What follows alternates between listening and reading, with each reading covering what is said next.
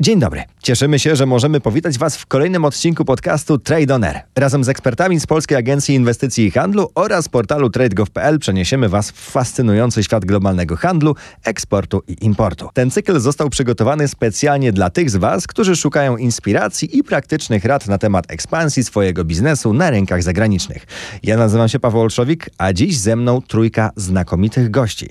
Są nimi pan Andrzej Juchniewicz, pani Aleksandra Smolak oraz pani Monika Kołpaczyńska. Dzień dobry. Dzień dobry. Dzień dobry. Dzień dobry. Cała trójka moich dzisiejszych gości przyjechała do nas z zagranicznego biura handlowego w Szanghaju i zajmuje się rynkami Chin i Hongkongu, ale też znają specyfikę rynku tajwańskiego. Życie i praca w Szanghaju z pewnością różni się od Polski. Jakie były Państwa pierwsze wrażenia i co najbardziej Was zaskoczyło?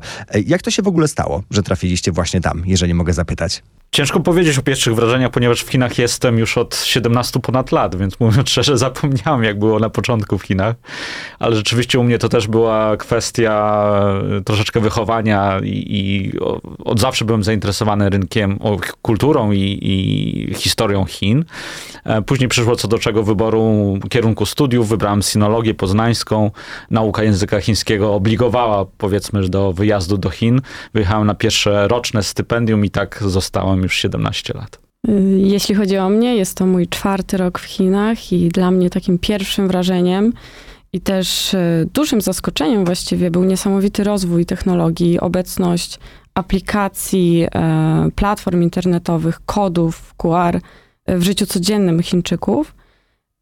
I równocześnie też jak trafiłam do Szanghaju, to było dosyć naturalne, ponieważ studiowałam sinologię na Uniwersytecie Warszawskim i następnie takim naturalnym wyborem właśnie był wyjazd do Chin, aby dalej kontynuować e, naukę języka. Podobnie jak Andrzej, e, jestem, e, funkcjonuję już na rynku chińskim od zasadniczo czasu zakończenia studiów, łącznie z czasem na, spędzonym na studiach. I, i może, możemy powiedzieć, na przestrzeni tych lat fascynujące jest oglądać, jak postęp technologiczny nowe technologie i nowe rozwiązania są e, e, implementowane w Chinach i mm, jak wpływają na e, życie społeczeństwa w tym momencie. Ja myślę, że mogę jeszcze dopowiedzieć, że warto uzmysłowić sobie, jak prężnie i szybko zmienia się społeczeństwo chińskie i gospodarka chińska, bo rzeczywiście, jeżeli mówimy przebywając w Chinach od tych kilkunastu lat, widzimy te zmiany rzeczywiście prawie, że na co dzień, tak? Kiedy zaczynaliśmy naszą działalność, no nie, nie było czegoś takiego jak WeChat, nie było social media chińskich, nie było e-commerce'u, nie było KOL-i. E, teraz to jest nasz chleb powszedni w promocji polskich produktów, e, polskiej oferty eksportowej i to jest niezwykle fascynujące zobaczyć, jak zmieniają się te trendy, a przede wszystkim to, że zapewne na przestrzeni najbliższych paru lat te trendy prędzej czy później zjawią się w Polsce, zjawią się w Europie. My już to widzimy i ważne, żeby polscy przedsiębiorcy za naszym pośrednictwem byli też do tego przygotowani. Chiny i Hongkong, mimo że są dość blisko siebie, mają zapewne nieco różne rynki. Czy mogliby Państwo opisać nam te różnice i wskazać główne wyzwania oraz możliwości dla polskich przedsiębiorców chcących działać w obu tych miejscach? Y, należy pamiętać, że Hongkong był kolonią brytyjską, co wciąż wpływa na zwyczaje, język, edukację także zachowania konsumentów, przyzwyczajenia konsumentów, ale również na, na sposób nawiązywania kontaktów y, z biznesem zachodnim. Obecnie językami, oficjalnymi językami w Hongkongu jest chiński, jest język angielski, który jest też obecny, y, nie tylko y, właśnie w tych sektorach biznesowych, lecz także w życiu codziennym. Jeśli chodzi o język chiński, dominuje dialekt kantoński. Czyli ze strony ZBH na pewno chcemy zaktywizować ogólnie południe, mówiąc e, ogólnie południe Chin, bo nie tylko Hongkong, ale równocześnie mówiąc szerzej, cały region e, Greater Bay Area, GBA, e, poprzez czy udział właśnie w wydarzeniach targowych, spotkaniach B2B i ogólnej promocji. De facto ze względu na to, że nasze biuro znajduje się w Szanghaju, oczywiście najwięcej czasu poświęcamy na region Chin wschodnich, tej kolebki i macierzy e, handlu chińskiego, importu, eksportu, jak również przemysłu czy przedsiębiorstw prywatnych. Ale jednocześnie od ładnych ładnych paru lat chcemy zaktywizować właśnie południe Chin, kiedy widzimy mo duże możliwości e, eksportu produktów żywnościowych, kosmetycznych. Oczywiście te rynki różnią się ze względu na to, na samą wielkość e, Chin, która jest porównywalna do wielkości całej Europy, tak? Kiedy mówimy o Harbinie, jest, który leży na północno-wschodnich rubieżach Chin i tak zwanej Mandżurii, mówimy o, o południowej wyspie Hainan, którą nazywa się, którą często ludzie nazywają chińskimi Hawajami. Ta rozbieżność kulturowa, gospodarcza, inne produkty sprzedają się w różnych regionach, trzeba też odpowiednio je dopasować do języka lokalnego, do lokalnych klientów i, i modelu konsumpcji. Hongkong jest, był i zapewne też jeszcze przez jakiś okres czasu zostanie pewną taką bramą do Chin kontynentalnych, ale jednocześnie rządzi się pewnymi własnymi prawami, jednocześnie będąc także pewną e, bramą dla e, krajów ASEANu i Azji Południowo-Wschodniej.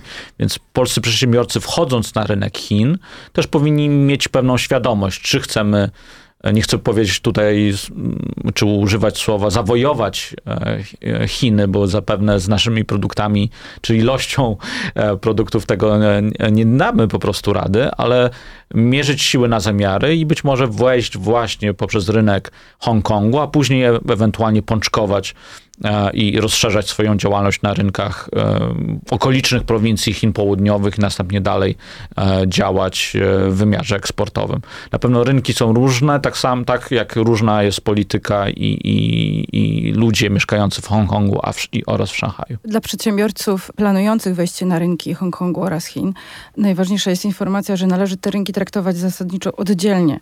Zasady wyjścia na rynek hongkoński i zasady wyjścia na rynek chiński są zupełnie inne. Jeśli weźmiemy pod uwagę wymogi, jakim podlegają produkty na przykład spożywcze, kosmetyczne, jakie są e, zasady rejestracji produktów, których dany producent lub przedsiębiorca chciałby wprowadzić na rynek chiński. Te zasady zupełnie nie mają odpowiednika na rynku hongkońskim.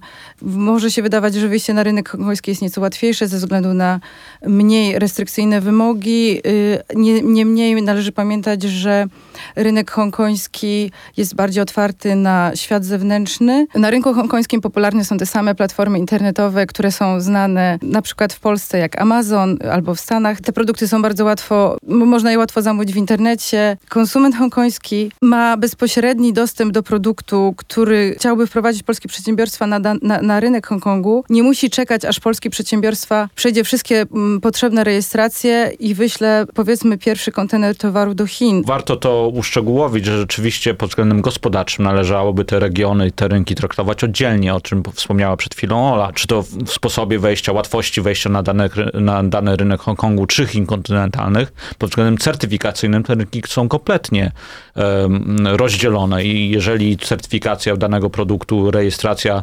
producenta czy zakładu produkcyjnego na rynku Chin kontynentalnych jest wymagana, to tak w przypadku Hongkongu, jeżeli chodzi o spożywkę czy kosmetyki, w wielu przypadkach już nie.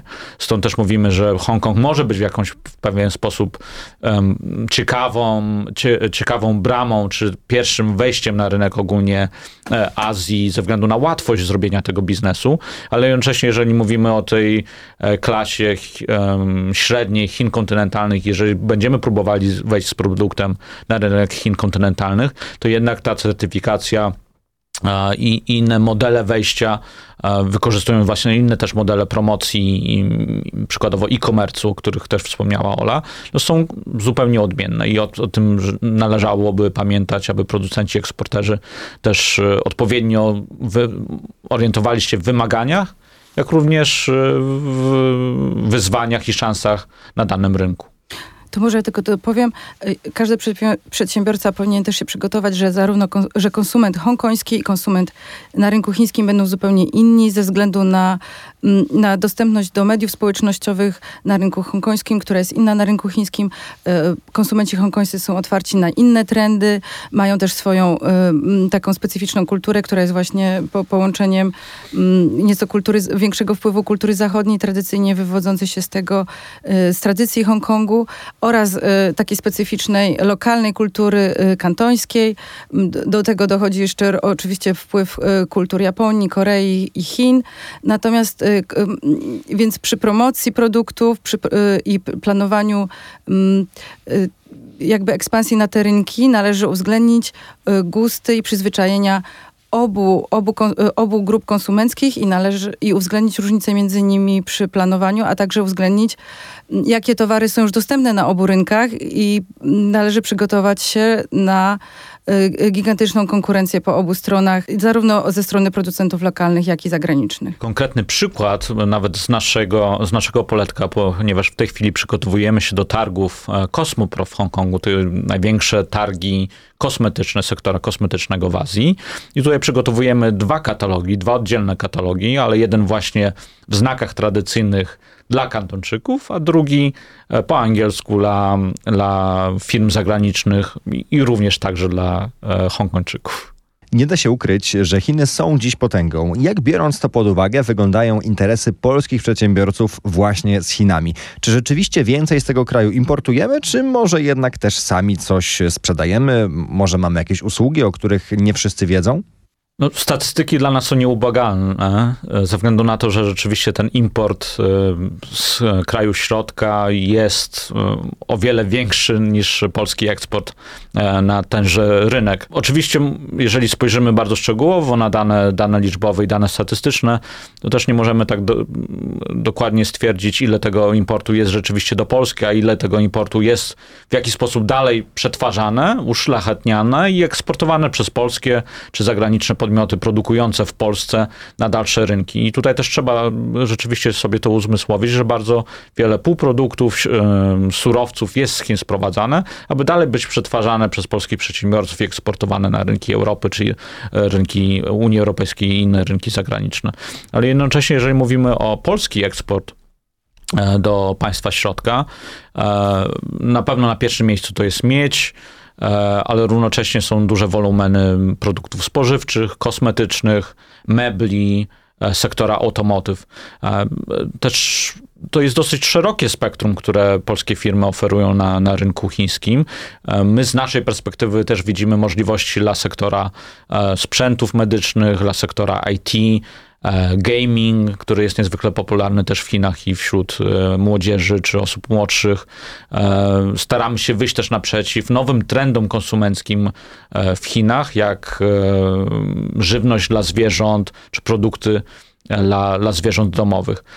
I to staramy się też pokazywać, troszeczkę wyciągać polskie firmy aby uczestniczyły z nami w, w promocji, wydarzeniach targowych i spotkaniach B2B, pokazywać te nowe trendy i nowe możliwości na rynku chińskim, e, tak aby móc zwiększać poziom polskiego eksportu do, do Chin. Niewątpliwie zarówno Hongkong, jak i Chiny mają swoją unikalną kulturę biznesową. Jakie są kluczowe aspekty tej kultury, które powinni znać polscy przedsiębiorcy, by odnieść sukces na tamtych rynkach? E, zarówno jeśli chodzi o rynek e, kontynentalny, chiński kontynentalny, jak i hongkoński, e, niezwykle ważna jest tutaj obecność w mediach społecznościowych, obecność na najpo, najpopularniejszych kanałach zarówno utrzymywania kontaktów biznesowych, jak i promowania produktów, będzie to w Chinach kontynentalnych, będzie to WeChat, TikTok, e, Xiaohongshu. W Hongkongu natomiast będą to inne platformy, tak jak wspomnieli tutaj koledzy. E, będzie to WhatsApp, Instagram.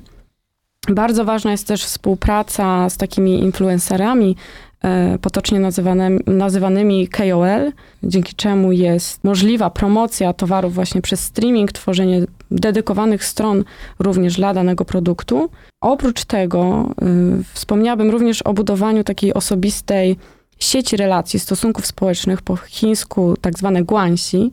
Jest to taki termin właśnie zakorzeniony w, również w kulturze chińskiej. Tutaj dbamy o to, żeby relacje z danym partnerem biznesowym były jak najlepsze poprzez właśnie okazywanie szacunku, czy nawet zaproszenie partnera biznesowego na wspólny posiłek, odbywanie wzajemnych wizyt w krajach, czy wręczanie upominków. Chińczycy chętnie współpracują z firmami, które znają, które są też przedstawiane przez osoby, które znają, przez odpowiedniego pośrednika czy szanowaną, szanowaną osobę. Warto jeszcze wspomnieć o koncepcji twarzy.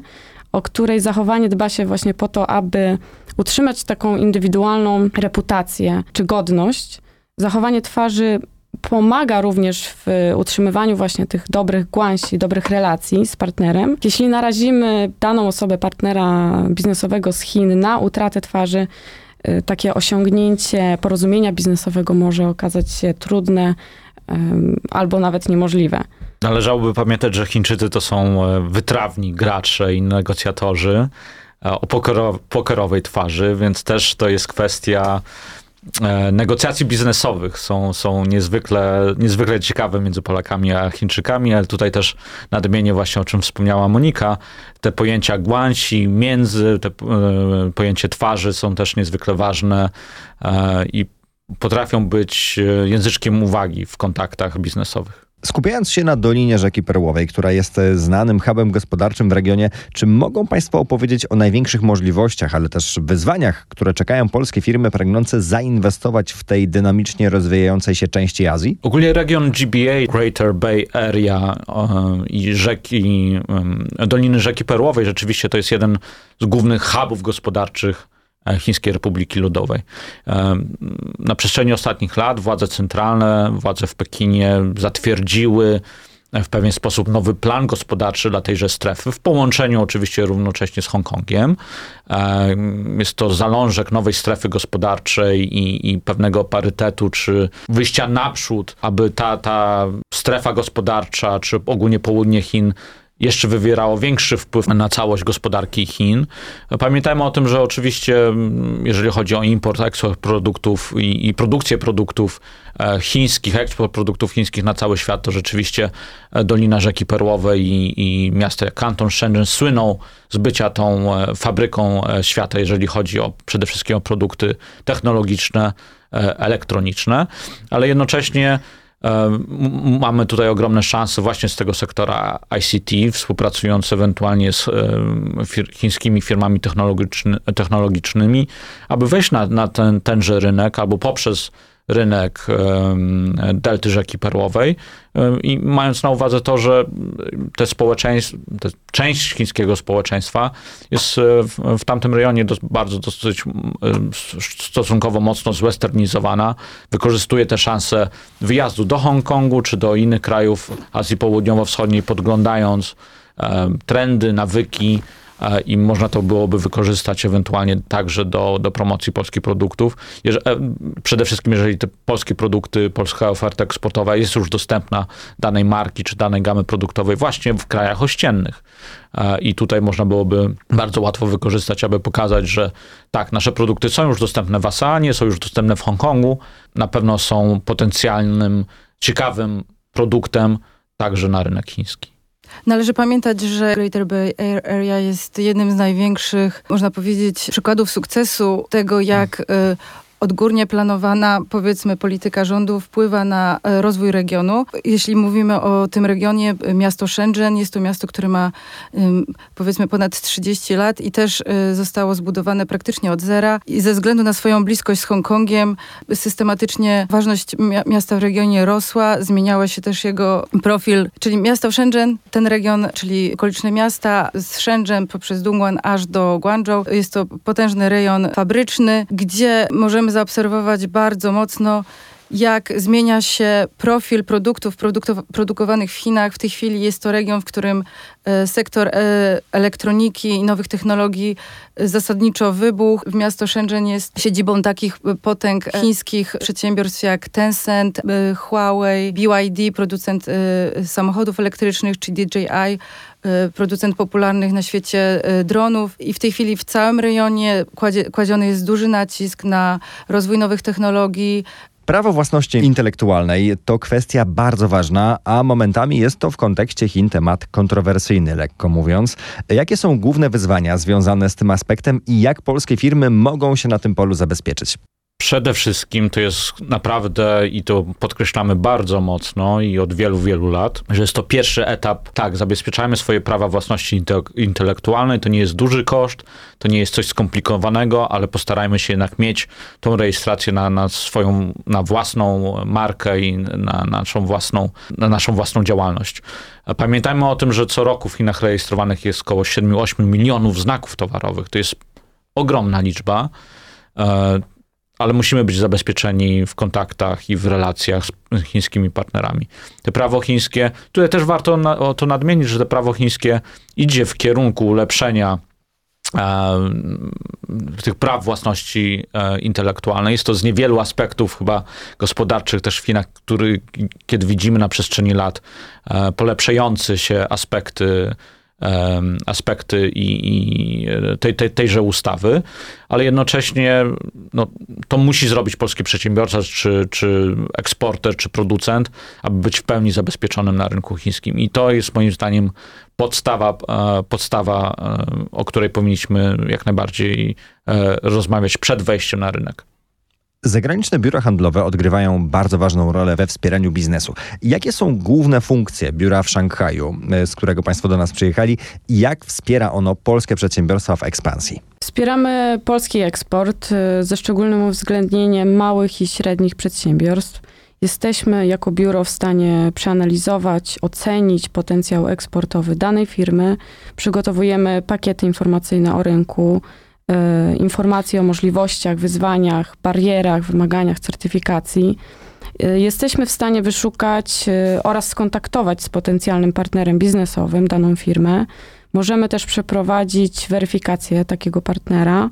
Organizujemy misje biznesowe, umożliwiamy udział w targach branżowych w ramach tworzonego przez nas stoiska narodowego, branżowego. Zatem umożliwiamy promocję produktów danej firmy na rynku Pomagamy także w kontaktach z administracją biznesową, e, publiczną, instytucjami, z firmami na miejscu. Często mówi się o tym, jak dynamicznie rozwija się chińska technologia i innowacje. Jak to przełożyło się na zmiany w zachowaniach konsumentów, a w szczególności czy są jakieś nowe technologie lub platformy, które polskie firmy powinny wziąć pod uwagę, aby skuteczniej docierać do chińskiego konsumenta? Pamiętajmy o tym, że niemalże 50% sprzedaży detalicznej w Chinach jest w tej chwili sprzedawana poprzez portale e-commerce'owe, więc nasi polscy przedsiębiorcy, eksporterzy i producenci muszą się dostosować i e, pamiętać o takich portalach właśnie jak JD, e, Taobao, Tmall, e, Xiaohongshu, Little Red Book, e, czy inne e, Douyin, TikToki e, mające swoją działalność w Chinach. Pamiętajmy o tym, że ten rzeczywiście ten aspekt technologiczny potrafi być kompletnie od, odmienny od tego, co widzimy w Polsce, to od tego, co widzimy na Zachodzie. Tutaj mówimy tutaj o tym wielkim e, murze postaci e, wy, pewnego wyodrębnienia internetu chińskiego od innych trendów, trendów na świecie.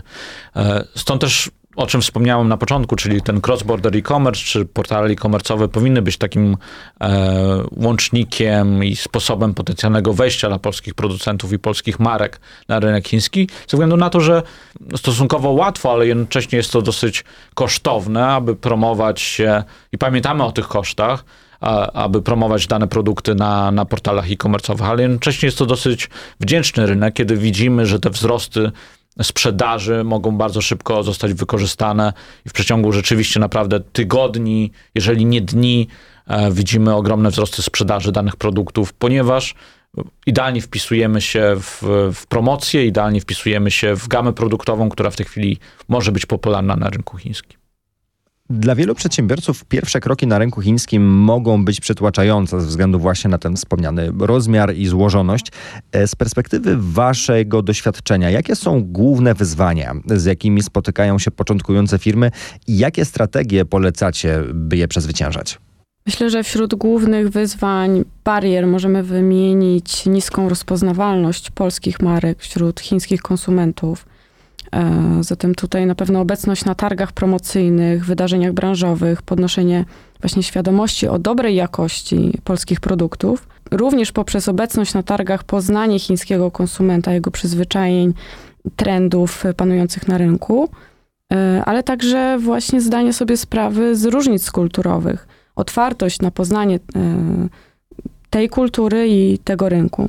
Przy wejściu na chiński rynek przedsiębiorca powinien przede wszystkim dostosować y, swoje myślenie do chińskiego rynku, czyli przy planowaniu ekspansji produktu powinien wziąć pod uwagę, jak jego produkt może być y, y, zmarketingowany de facto na chińskim rynku. Czyli zac zacząć myśleć, jakie, na jakie na walory pro jego produktu zwracają uwagę chiński, chińscy konsumenci, jak zwrócić ich uwagę akurat na ten aspekt produktu, mhm. który by ich interesował.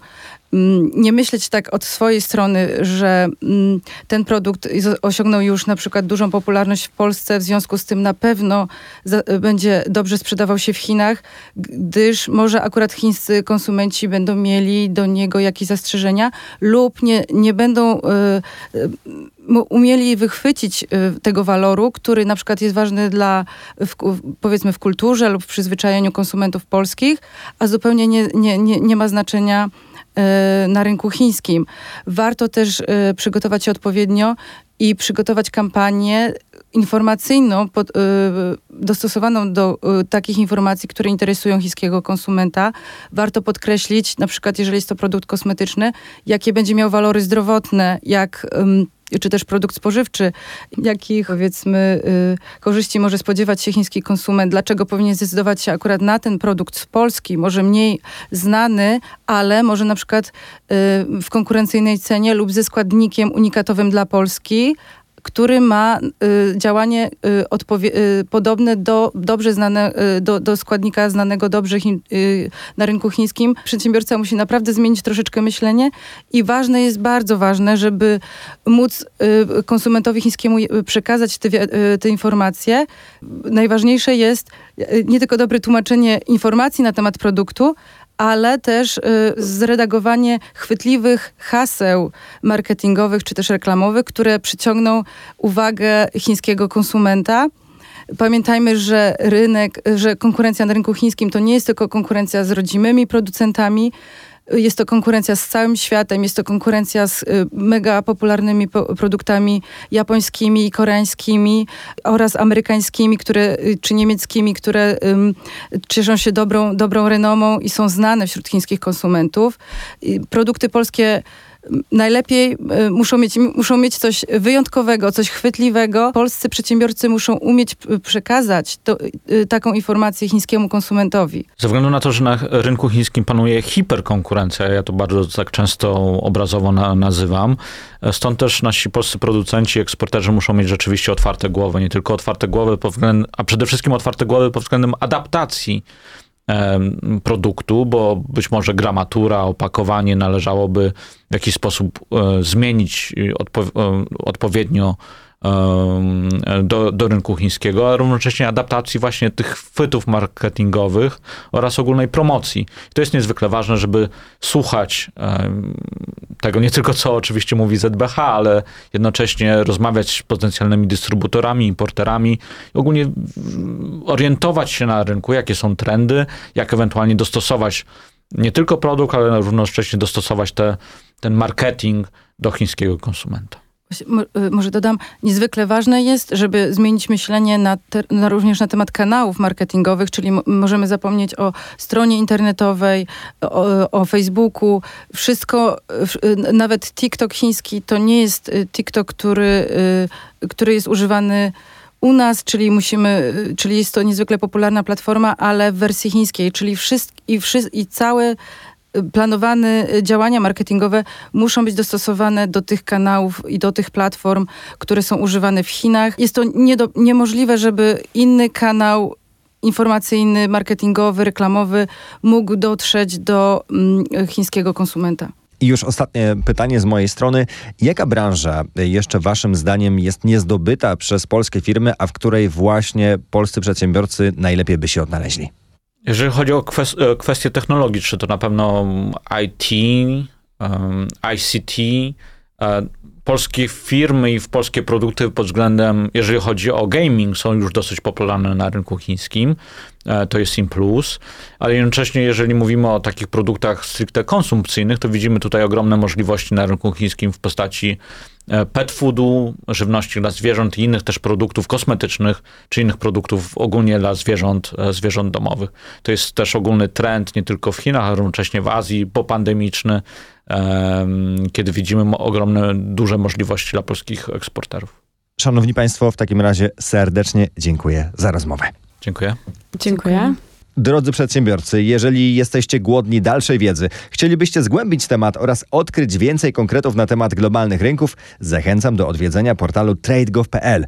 To niezwykle cenne narzędzie nie tylko informacyjne, ale także służące do nawiązywania kontaktów biznesowych. Pamiętajcie, że zakładając wizytówkę na tym portalu zwiększacie widoczność swojej marki i otwieracie drzwi do międzynarodowej współpracy. Zachęcam także do pozostania z nami i śledzenia kolejnych odcinków naszego podcastu Trade On Air. W każdym z nich staramy się dostarczyć Wam najbardziej aktualne informacje, praktyczne wskazówki oraz ciekawostki ze świata handlu międzynarodowego. Do usłyszenia w kolejnych odcinkach. Dziękuję.